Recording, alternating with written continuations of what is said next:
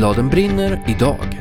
Katarina von Bredow har börjat skriva lättläst. Man väger varenda ord som man gör när man skriver lyrik, så, så väger man precis varenda ord och ty- försöker hitta så mycket styrka och värde som finns att få ut i en enkel mening. Lina Arvidsson vågar prata om att få ett nej. Ja, men jag gör det inte för deras skull. Vad de säger, förlagen, det ska inte påverka mig så mycket. För jag gör detta för att jag tycker det är kul, för mig är det viktigt. Och så ger vi tips på hur man närmar sig ett förlag om man vill bli barnboksförfattare.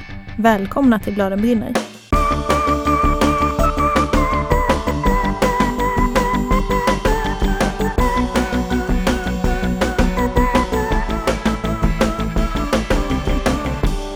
Idag kommer det att bli mycket fokus på skrivande i Bladen brinner och vi ska försöka svara på några av de vanligaste frågorna som vi får från aspirerande författare om hur man gör för att få sitt manus antaget. Men först blir det motsatsen, för jag har sett världen. det betyder att jag var i Malmö. Och där träffade jag Lina Arvidsson och hon berättade väldigt modigt om alla nej tack på böcker som hon har fått. Jag heter Johanna Lindbäck. Jag heter Lisa Bjerbo.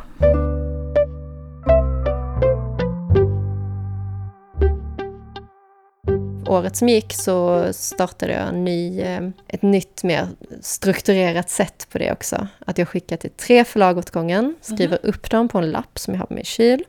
Där det står datum också när jag skickat. Och sen när jag får refuseringen i det här första bittra läget så stryker jag över. Och bara, Okej, okej, de vill inte ha mig. Eh, eller mitt manus då, det är ju inte mig. Men eh, och sen så snabbt som möjligt hittar jag ett nytt förlag och skickar till så att den alltid är hos tre.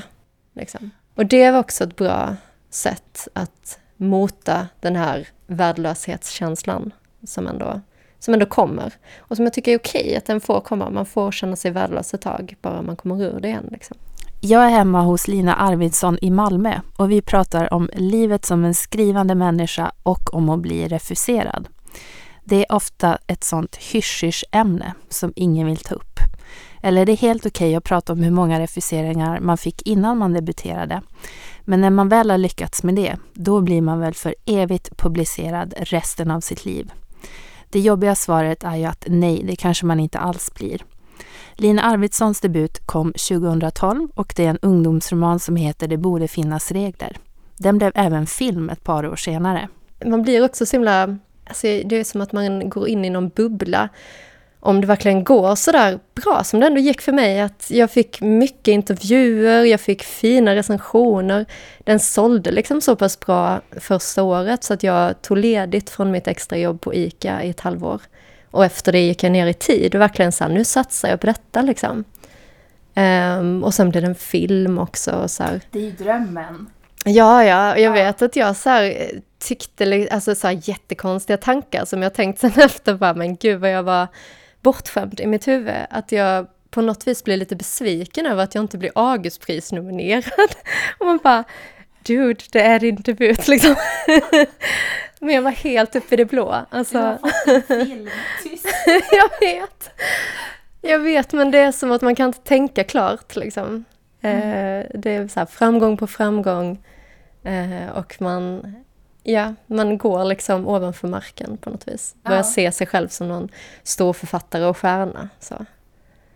Eh, vilket blev ju ganska skevt i och med att jag fortfarande jobbade extra på ICA ibland. Och så här, kunder blev väldigt förvånade av att läsa om en i tidningen.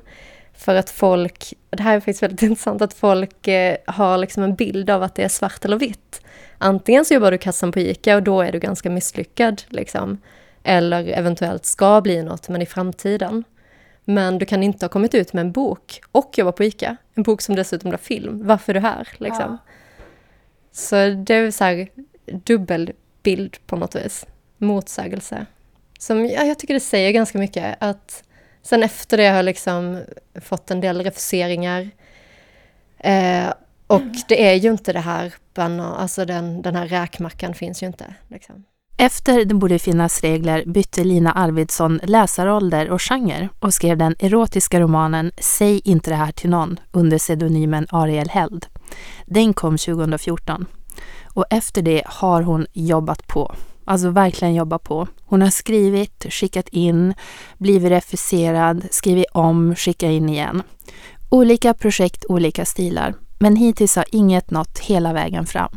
Det var ganska mycket standard nej, men där jag också insåg så här, det finns tre olika standard nej. Ah, typ. Jo, men det finns ett som är så här, tack men nej tack, bara. Ja. Det är väldigt tråkigt att få liksom. Sen finns det ett som är så här, eh, tack för ditt välskrivna manus och där de ändå ja, visar med några meningar att de har läst det liksom och tyvärr har vi inte möjlighet att ge ut det men lycka till på andra förlag. Där man känner så här, ja det var ju synd men okej, okay, tack för peppen typ. Ja.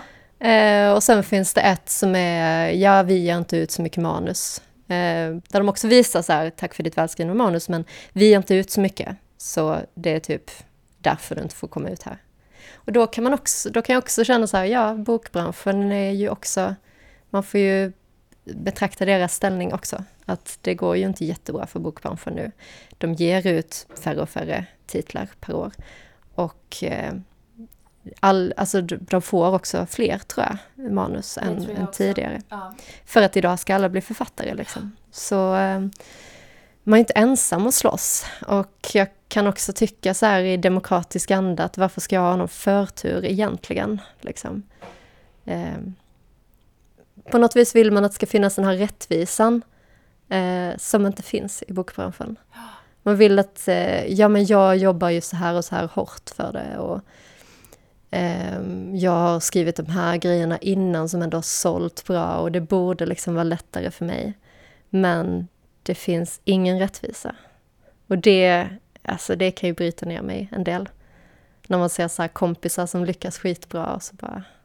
Inte att jag inte är glad för dem, men ibland när man precis har fått en refusering så är det lite så här... Jag ställer mig i duschen och vill dö istället liksom. hur tänker du, hur är ditt um, beteendemönster när du har fått den här refuseringen? Vad gör du? Ja, så det är en rätt rolig negativ spiral. Som, alltså jag kan skratta åt den på distans. Liksom. Men första, när jag läser refuseringen, är jag mer så här lite bittert konstaterande, jaha, liksom. Sen eh, brukar jag gå och jobba och skriva liksom ändå. Och försöka jobba på som vanligt, men det finns ändå där i bakgrund, i bakhuvudet så att ja, de gillade inte det och så här. Eh, och sen kommer man hem och så har det gått över i ilska då. att jag är arg, men vad fan, anta mig liksom. Jag, jag har inte tid med de här refuseringarna. Då brukar jag städa för att få ut lite aggressioner och ja, men lyssna på så lite arg musik, typ Sarah Hot Nights första skivor är bra där. Ja. Och sjunga med och liksom försöka uppnå det här stadiet av jag bryr mig inte, fast jag bryr mig jättemycket. Och sen eh, blir jag lite ledsen, det är då jag ställer mig i duschen och vill dö. och då är det verkligen som ett sluttande plan som beroende på hur jag mår i övrigt ska sägas, hur livet är i övrigt så kan det gå hur långt som helst. Att jag tänker att eh, jag har misslyckats med liksom allting, jag har satt upp av så här och så mycket tid av mitt liv Eh, och min vardag till skrivande. Och alla ser ju att jag misslyckas nu med detta liksom. Och varför ska jag... Vad, detta är ju det stora målet i mitt liv. Varför ska jag leva, typ? Alltså, sådana grejer. Eh, men jag har blivit bättre på att bryta den negativa.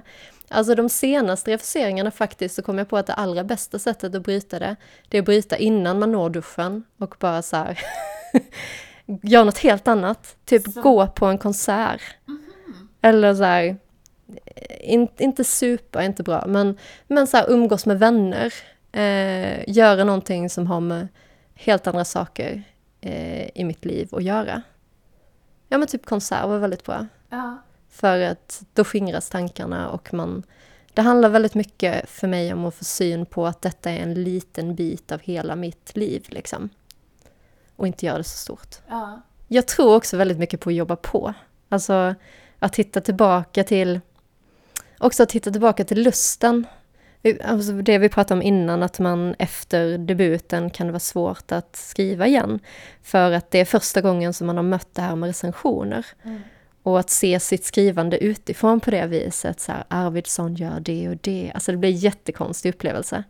Och att sen tänka, alltså det går inte att tänka på det när man skriver sen. Och att på något sätt bara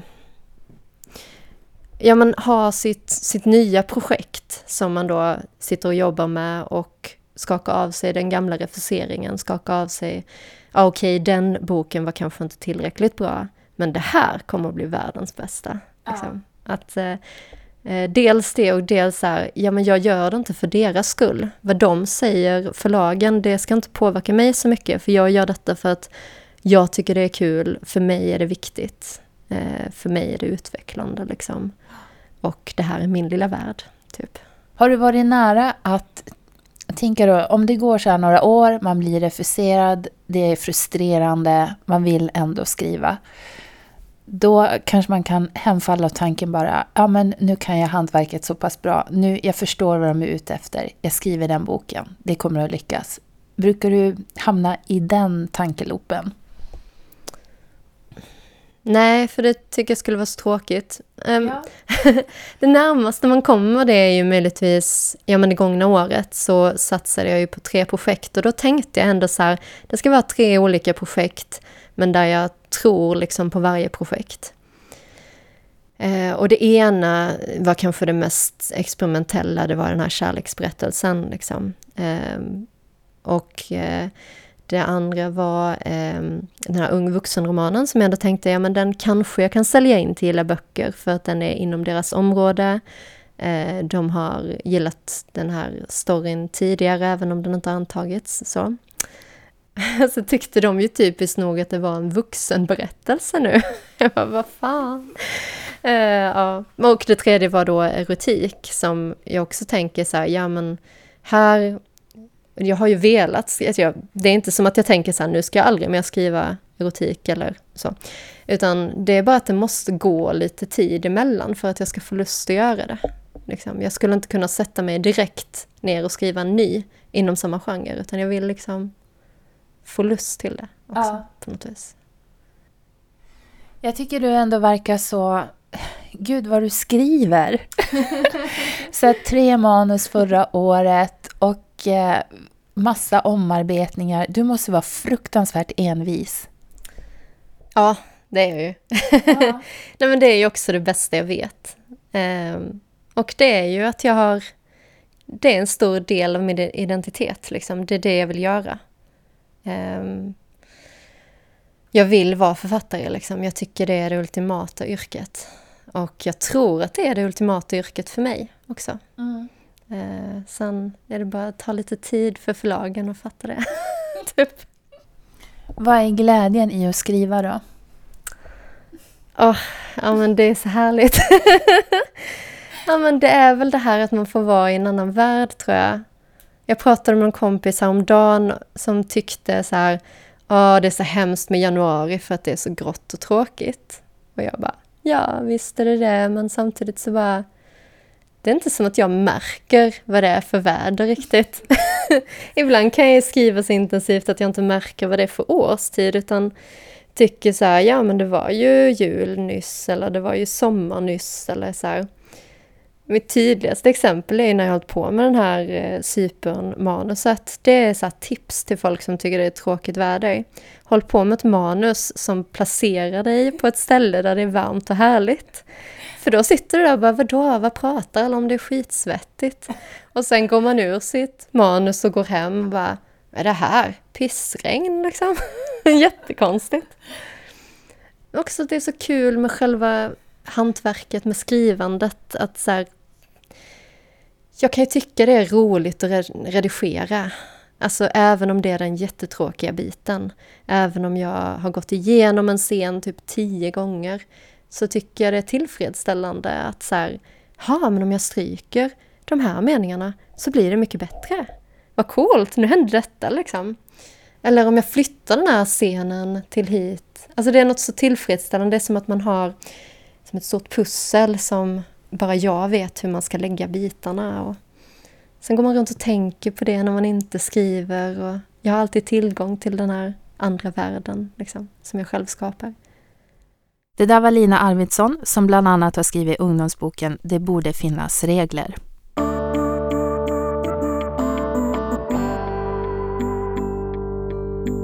Det här med refuseringar och antagningar och förlag, det är ju någonting som upptar tankarna hos väldigt många som vill bli författare.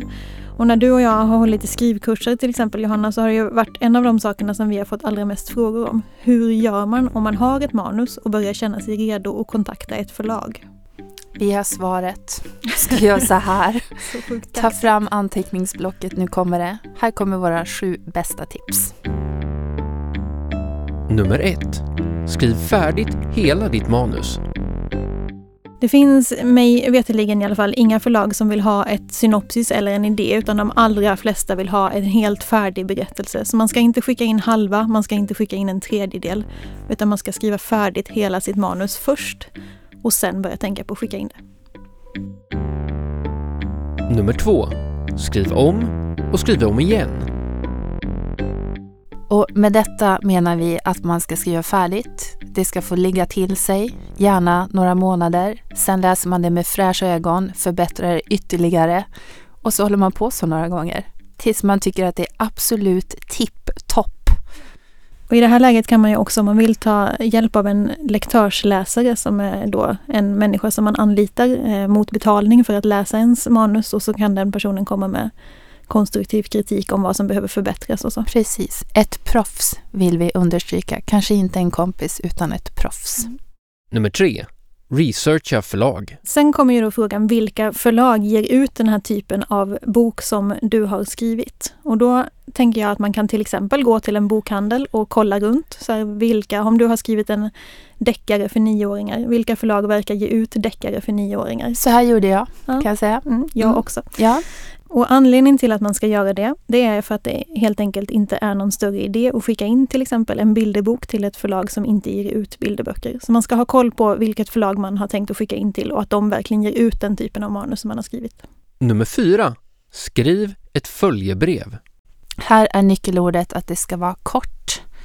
Eh, och man behöver inte jobba på detta som en galning, för det är ofta väldigt mycket hysteri kring hur följebrevet ska vara och då vill jag säga om alla de råden, skit i det. Skriv kort. Det viktiga är att man berättar lite om vad berättelsen handlar om, lite kort vem man är, kanske vilken stil och genre och lite sådana grejer. Ja, och faktiskt tror jag nästan att man nästan skulle kunna strunta i att säga vad boken ens handlar om utan att det ska vara mer fokus på vilken typ av bok det är Ja. i så fall. Ja. Och att eh, texten sen ska tala för sig själv. Så att, liksom, att ge en hel eh, summering av vad du har skrivit spelar ingen roll för sen ska ju förlaget ändå förhoppningsvis läsa hela din berättelse. Mm. Och allt detta ryms på max en A4-sida. En halv, en tredjedel säger jag. Ja, alltså det är verkligen kort och det man speciellt ska undvika är att man lägger in värderingar som kommer kanske från ens barn och ens mamma eller någonting sånt. Typ mina barn älskade boken. Så ointressant för förlaget. Så Det tänk, låter hårt men det är sant. det är hårt. Tänk kort, koncist. Då och, blir det glöm, bra. och glöm inte dina kontaktuppgifter. Exakt. Nummer fem. Skicka till flera förlag samtidigt. Här tänker jag att man kan välja ut kanske topp tre förlag som man allra helst vill ska ge ut ens bok. Och sen kollar man upp hur de förlagen vill ha in sina manus. Det kan vara lite olika. En del vill ha eh, fysiska brev på posten med ett utskrivet manus. Andra vill ha dem digitalt. Det står nästan alltid på deras hemsidor, så då kollar man det. Och sen skickar man till alla de här tre på topplistan samtidigt. Och först när man får nej från dem så skickar man till kanske tre nya som man har i nästa lilla eh, omgång. Och det här tar förlag ganska ofta för givet att man gör så det är inget förlag som tänker att man bara skickar till dem utan alla är medvetna om att man pytsar ut till flera. Det är så, Så det det är, det är helt lugnt för alla parter. Nummer sex. Ha tålamod. Sen när man har skickat in så ska man vara beredd på att man kan i de flesta fall får vänta flera månader innan man får svar. Och eh, att man får vänta betyder inte att det automatiskt kommer att bli ett nej utan det tar liksom tid att hantera svaret även om förlaget är positiv.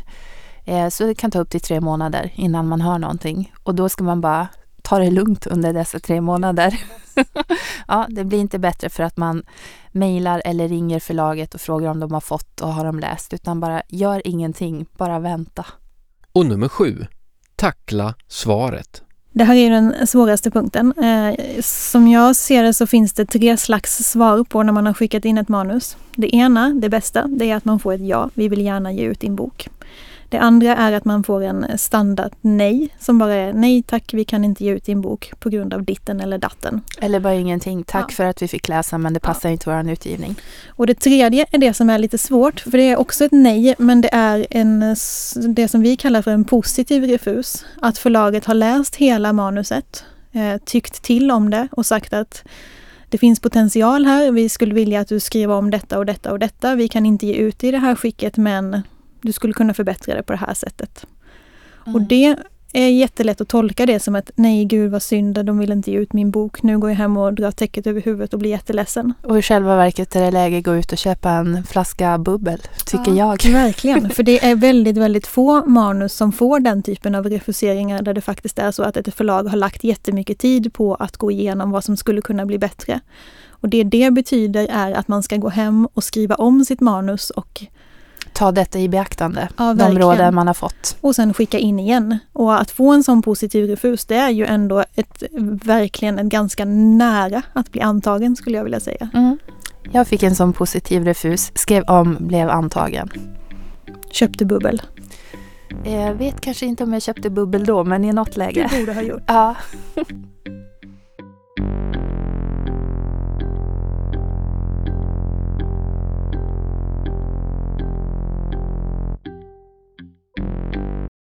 En som har dealat med både refuseringar och antagningar och fyllt bokhyllor på bibliotek och bokhandlar med böcker för unga i många, många år är Katarina von Bredow. Hennes senaste utmaning är den här. Att skriva böcker på lättläst svenska. Att skriva lättläst är framförallt inte lätt. Det är ganska svårt. Det var svårare än vad jag hade föreställt mig när jag började. För mig är det ju en helt ny genre så att för mig var det ett äventyr att eh, försöka skriva med kortare ord, enklare meningar. Och framförallt är jag ju en sån här människa som gestaltar väldigt mycket när jag skriver och plötsligt så skulle man inte göra det. Eh, inte ha för mycket saker som liknar saker och förvänta sig för mycket av att läsaren ska läsa mellan raderna utan det ska vara en rak text där, där man följer med i en enkel handling. Och samtidigt ska det man måste ju också hitta känslorna och, och styrkan i berättelsen och inte ge avkall på det för det är ju inte en det är inte en läsare med lägre intelligens som läser, det är en läsare med nedsatt läsmöjlighet eller läskunskap så att säga. Eller läsvana kan det också vara, språkliga problem eller vad som helst. Eh, så att det, det var väldigt spännande, det var ett helt nytt sätt att skriva för mig. Katarina von Bredow debuterade 1991 med ungdomsromanen Syskonkärlek. Sedan dess har hon skrivit massor av böcker. Till en början riktade hon sig främst till ungdomar som med kärleksromanerna Knappt lovlig eller Hur kär får man bli eller Räcker det om jag älskar dig. På senare år har hon skrivit för lite yngre läsare med böckerna Du och jag och Hon och han och Han och dem till exempel. Och nu är det alltså bland annat lättläst som gäller. Boken vi pratar om heter Kär eller magsjuk och den riktar sig kanske främst till mellanstadieåldern. Den handlar om Hannes eh, som är förtjust i en tjej som heter Sara. Och då är det det där, hur ska man säga det, hur ska man visa det? Och så har han köpt ett armband till henne som han ska ge henne. Men det måste ju göras på rätt sätt så det inte blir pinsamt eller fel och så. Och Saras kompisar fnittrar lite och han blir lite nervös. Och sen blir det ett litet missförstånd också där han ser Sara ihop med en annan kille och tror att det är redan för sent för några armband eller andra planer. Det är en relationsroman, fast i litet format. Men det handlar ju om den här svåra tiden då man är mittemellan barn och tonåring, då man är på väg in i det här med, med känslor och relationer som ser lite annorlunda ut än vad de har gjort förut. Samtidigt som det fortfarande är mycket det här med vänner och grupptryck och allt sånt. Vad är lättläst svenska? Ja, de restriktioner eller de, de, målsättningen man får när man, när man börjar med det här så är det ju att orden ska inte vara längre än sju eh, bokstäver helst och att eh, meningarna ska vara raka. Det ska inte vara några omvända konstiga ordföljder. Eh, handlingen ska vara rakt. Man ska alltid tala om konsekvensen så att man måste förstå varför någonting händer. Det måste föregås av en... Så att allting ska förklaras och sådär. Vilket man ju nästan tänker tvärtom när man inte skriver lättläst, att man ska lämna mycket åt läsaren. Men har man väldigt svårt att ta till sig en text rent tekniskt, alltså det att själva läsningen är ett tekniskt problem, så, så kan man inte förvänta sig att man också ska orka försöka hålla reda på det där som står mellan raderna. Eh, och därför måste man få in det i texten. Jag tycker det låter jättesvårt. Men det är svårt. Alltså, fast det är ganska roligt också för det blev med tiden så blev det lite grann som att man tänker väldigt avskalat. Man kan nästan, det blir nästan lite prosalyriskt. Alltså, för man väger varenda ord som man gör när man skriver lyrik. Så, så väger man precis varenda ord och försöker hitta så mycket styrka och värde som finns att få ut i en enkel mening. Du var inne lite på det här med gestaltning. Vad är det som är så svårt med gestaltning i text? när man kan hänge sig åt en massa saker som man tänker att saker som liknar saker så att säga, då, då är det ju inte, då tycker jag, jag älskar ju det att, att, att bre ut mig på den fronten. Att, och, och, nu fick jag inte göra det och då blir det mycket, mycket svårare. Då gäller det att få fram att man vill att läsaren ändå ska känna den där känslan som den här killen har utan att man slänger ur sig en massa liknelser och så. Det, det är svårt. Det är nog det svåraste med att skriva lättläst, att få, få till en gestaltning som gör att läsaren ändå kan se en bild framför sig. Och där har jag ju tagit lite strid ska jag inte säga, men jag har ändå övertalat förlaget att få med en och annan beskrivning. För jag tycker att om man inte gör beskrivningarna för långa eller för tröttande eller för komplicerade så måste man ändå få ha med dem för att måla den där bilden i läsarens huvud. För annars tycker jag att man läsupplevelsen försvinner och den ska man ju ändå få, även om man har svårt med det rent tekniska läsandet. Mm. Jag tycker det verkar extra svårt att skriva om känslor utan att gestalta, för en känsla är ju en väldigt diffus sak. Det är ju svårt att skriva rakt upp och ner hur känslan känns om man inte får ha något eh, bildspråk eller eh, några bilder. Ja, där var det ju också lite diskussioner för jag till exempel eh, när, när Hannes i berättelsen blir nervös så blir han som svettig om händerna. Och om det bara står att han blir alldeles svettig om händerna och jag tänker mig att läsaren ska förstå att han blir nervös, då säger förlaget att de kommer att tro att det är varmt. Eh, och därför måste jag skriva, han blir så nervös att händerna blir alldeles svettiga. Så jag får liksom ta både den gestaltande biten, att man ska känna känslan av de här blöta händerna som halkar på cykelstyret, eh, och eh, ändå förklara varför. Och det, där har jag ju böjt mig förstås, för jag måste ju utgå ifrån att de vet vad de håller på med. Men jag har ändå fått med då det som visar att han är nervös också. Och det, det där är en balansgång, men jag vill det, för jag tycker att det annars tappar tappar man ju hela det här. Och, jag, och, och, tanken är väl ändå när man läser lättläst att, att det ska vara en inkörsport för att man ska bli bättre på att läsa och man kanske ska kunna ta till sig en svårare text sen. Och då måste man ju få känna det här, just läsupplevelsedelen som ju bygger mycket på det gestaltande. Så jag tycker att man måste få in det och det går att göra det i små portioner så att det inte blir så tungt och inte så svårläst för det. Det här är ju en bok om kärlek och kärlek är ju verkligen ditt ämne. Eh, hur kommer det sig att du återkommer till att skriva om kärlek hela tiden? När jag skriver så är det lite som att jag forskar. Jag måste skriva om någonting som jag själv inte riktigt förstår för det, det, blir liksom en upptäcktsresa, själva skrivandet. Även om jag har bestämt ungefär vad som ska hända och jag har planerat historien så är, så är det en känslomässig upptäcktsresa eh, medan jag skriver. Och kärlek är ju fullständigt obegripligt. Så att, det återkommer jag till gång på gång just därför att jag ständigt undrar hur fungerar det där, varför och hur händer det, varför just de här två? Så här. Så det är som outtömligt. Det är världens mest utslitna ämne för någon som försöker göra någonting nytt. Men samtidigt så är det ju så att när man blir förälskad så är ju det för första gången. Varje gång. Så på det sättet blir du inte utslitet heller. Det som är svårt är att alla orden har använts så många gånger och så många beskrivningar har gjorts. Så att, att försöka förmedla känslan som gör att läsaren förstår att det är den där wow, första gången som det är varje gång. Det är det som är det svåra. Men utmaningar är bra. I vanliga fall så brukar ju kärleken i dina böcker vara ganska snårig. Ehm, förbjuden till och med i många fall. Du har till exempel skrivit om syskon som blir kära i varandra. Eller hur det är att bli kär i någon som är mycket äldre. Eh, men i den här, Kär eller magsjuk, så tycker ju jag att kärleken är ganska okomplicerad. Hur kommer det sig? För det första så skulle det hålla sig i ett ganska litet format men sen är det ju också så här att eh, de där böckerna med de där väldigt stora yttre hindren, sociala hindren man ska säga, Eh, de skrev jag ganska tidigt i, min, i mitt författande. Och sen tyckte jag att jag tömde ut de där väldigt stora svängarna ett tag. Och så blev det, jag till och med läste någon recension där de skrev att ja, nu har Katarina von Bredow mutat in den omöjliga kärleken i svensk ungdomslitteratur. Så här. Och då kände jag att men det var inte riktigt det som var tanken utan att jag, tog, jag reste sådana höga hinder för att jag ville som ställa känslan på sin spets riktigt sådär ju mer de, eh, ju svårare saker de hade att övervinna desto starkare skulle liksom den här frustrationen och känslan bli. Och då, då började jag skriva mer vanliga, vanliga inom citattecken, kärleksberättelser. För hur det, så finns, det finns sådana stora hinder som egentligen inte är sådana yttre sociala, det är inte förbjudet i lagen och det finns ingenting som säger att det egentligen inte skulle kunna gå, men hindret finns där ändå. Det räcker ju med att din bästa kompis är förälskad i samma kille. Eller ännu värre att hon är ihop med honom. Eller så så det är inte sådär, eh, det, det är socialt helt eh, hopplöst men ändå inte förbjudet om man säger eh, så. Och sen har det blivit liksom, hindren har blivit mindre och mindre men, men det blir ändå en sån stor stark känsla. Jag försöker, så jag har hållit på med det de senaste åren så det är inte bara just i de här lättläseböckerna som jag har dragit ner på de där stora hindren eh, och jobbat mer med själva känslan. Varför tycker du att det behövs lättlästa böcker? Det är ju lite en demokratifråga faktiskt, för det, det, handlar ju om att involvera så många som möjligt. Att så många som möjligt ska kunna läsa en berättelse. Och nu när vi har väldigt många människor från andra kulturer som, som också behöver ha en ingång till det svenska språket så, så är ju lättläseböckerna ett, ett bra sätt eh, att börja på.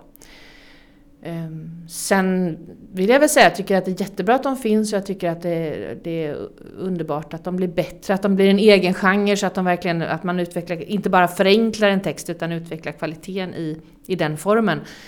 Men det får ju samtidigt inte bli så att det blir en, en lätt utväg för den som inte orkar jobba sig igenom en lite svårare text, bara, att det inte bara blir ett sätt att vara lat på. Och det är lite så med ljudböckerna också, det är jättebra att det finns inspelade röster som läser upp böcker. Men, men om det blir istället för läsning bara för att man tycker att det är lite jobbigt att läsa, då är det lite synd också. För man förlorar också mycket, trots allt. Det får man jobba lite medvetet med tycker jag. För det är ju en puckel som alla ska ta sig över, det här med att få läsflyt så att man kan tillgodogöra sig en text. Och det är ju inte bara för för det här att man ska tillägna sig en massa litteratur och, och liksom komma in i, det är ju jättebra i och för sig att få uppleva massa olika liv och berättelser och så. Men det är också rent studiemässigt att man ska tillägna sig massor av text om man ska ha en utbildning. Eh, så att eh, vi behöver ju lära oss läsa helt enkelt. Det där var Katarina von Bredow som bland mycket, mycket annat har skrivit de lättlästa böckerna Kär eller magsjuk som finns ute redan och uppföljaren Ska vi bada eller som kommer i höst.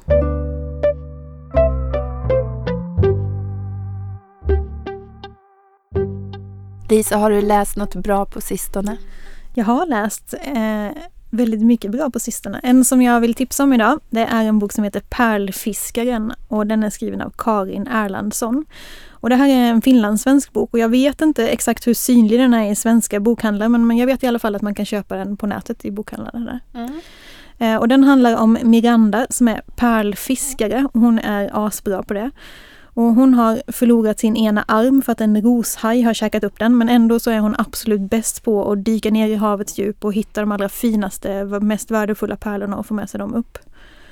Eh, och i den här eh, påhittade världen som hon lever i så finns det en drottning som med jämna mellanrum utlyser en jakt på det som kallas för ögonstenen.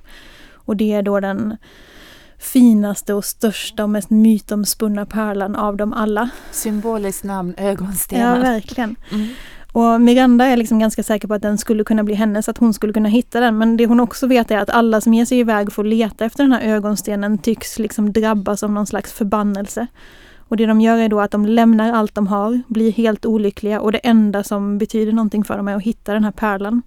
Och hennes egen pappa har liksom försvunnit så, så hon vill inte bli sån. Men hon ger sig såklart ändå ut på den här jakten och hon får med sig en liten unge som heter Sysha på halsen. Eh, och det här är liksom en, en saga skulle jag vilja säga med skitspeciell stämning. Man väntar sig nästan att den ska börja med så här Det var en gång. Mm -hmm. Det är den sagostämningen. Men den är inte alls långsam som är ett annat ord som jag förknippar med den sagostämningen utan det är ändå så nästan ett deckardriv i den här berättelsen. Med cliffhangers och liksom det är skitläskigt med havet och alla hajar som finns och de djupa vattnen och sådär. Eh, och sen finns det väldigt tydligt onda människor och goda människor. Och den är jättefin också när det gäller relationerna mellan de här två barnen. Och eh, saknaden efter deras föräldrar för de är båda två övergivna barn. Jag tycker den är superbra. Mm. Den har fått skitmycket priser i Finland. Och med skitmycket menar jag åtminstone tre. Men den har fått jättemycket uppmärksamhet och jag hoppas att den också blir synlig i, här i Sverige. Vad vill du tipsa om idag? Jag vill tipsa om då Lina Arvidsson har ju skrivit en bok som vi pratar ingenting om för att vi pratar om andra saker. Så nu vill tipsa ja, men hennes bok heter ju då Det borde finnas regler och det är en ungdomsbok, passar för 12 plus. Och den här är en sån här en svensk ungdomsbok som jag älskar, som man bara blir glad när man börjar läsa för att det är så himla bra hantverk och då menar jag att stämningen är, man bara kliver in i en stämning. Det är jättebra ton, det är jättebra karaktärer, det händer trovärdiga saker. Alltså alla delar är bara så himla perfekt utförda i den här boken. Så man läser, man fnissar, man skrattar, man blir upprörd. Ja men det bara skitbra bok helt enkelt. Och dialogen är så Dialogen. fruktansvärt bra. Ja men verkligen. Och den handlar om två 14-åriga tjejer som då går på högstadiet och bor i någon liten håla i Skåne. De hatar den.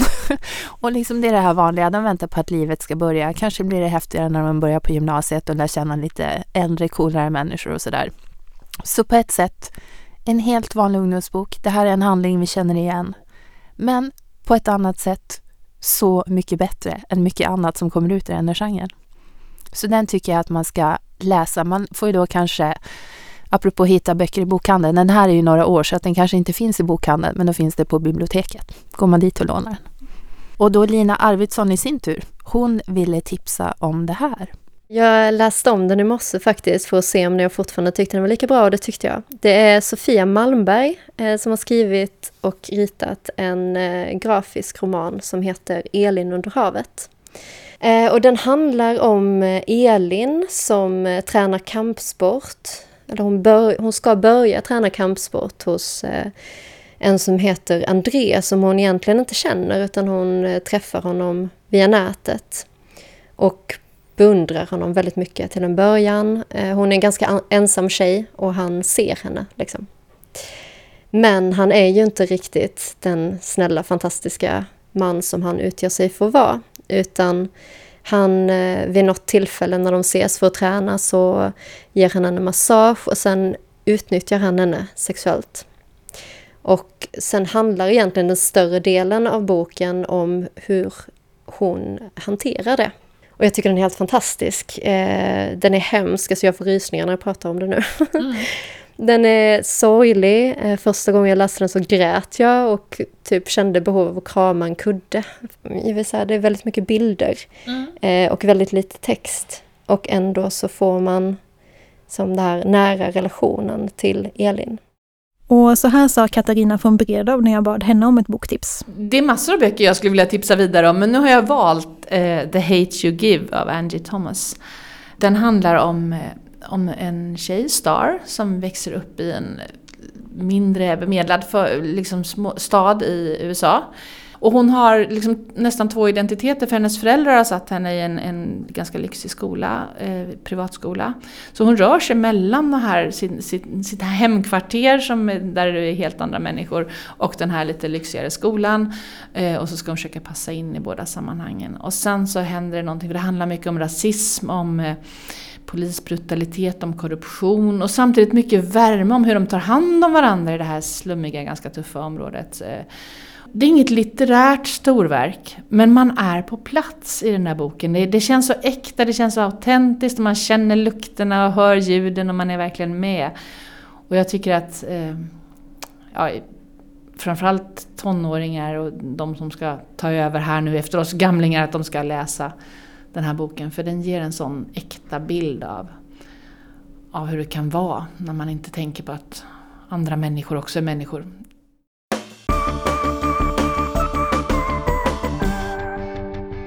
I nästa avsnitt av Bladen brinner ska vi prata om tjejers läsning. Då är det internationella kvinnodagen nämligen. Bladen brinner görs i samarbete med Dieselverkstans bibliotek. En lång rad bokförlag som heter Rabén Sjögren, Bonnier Carlsen, Alfabeta, Opal, Lilla Piratförlaget, B. Wahlströms, Bergs Bokförlag, Nypon förlag och Natur och kultur. Tack alla ni! Tack också Gustav Edman på Fabel som har producerat och Håkan Lidbo som har skrivit musiken.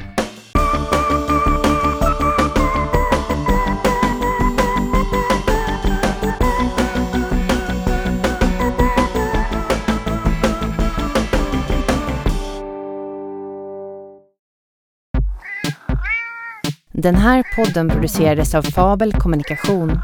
Läs mer på www.fabel.se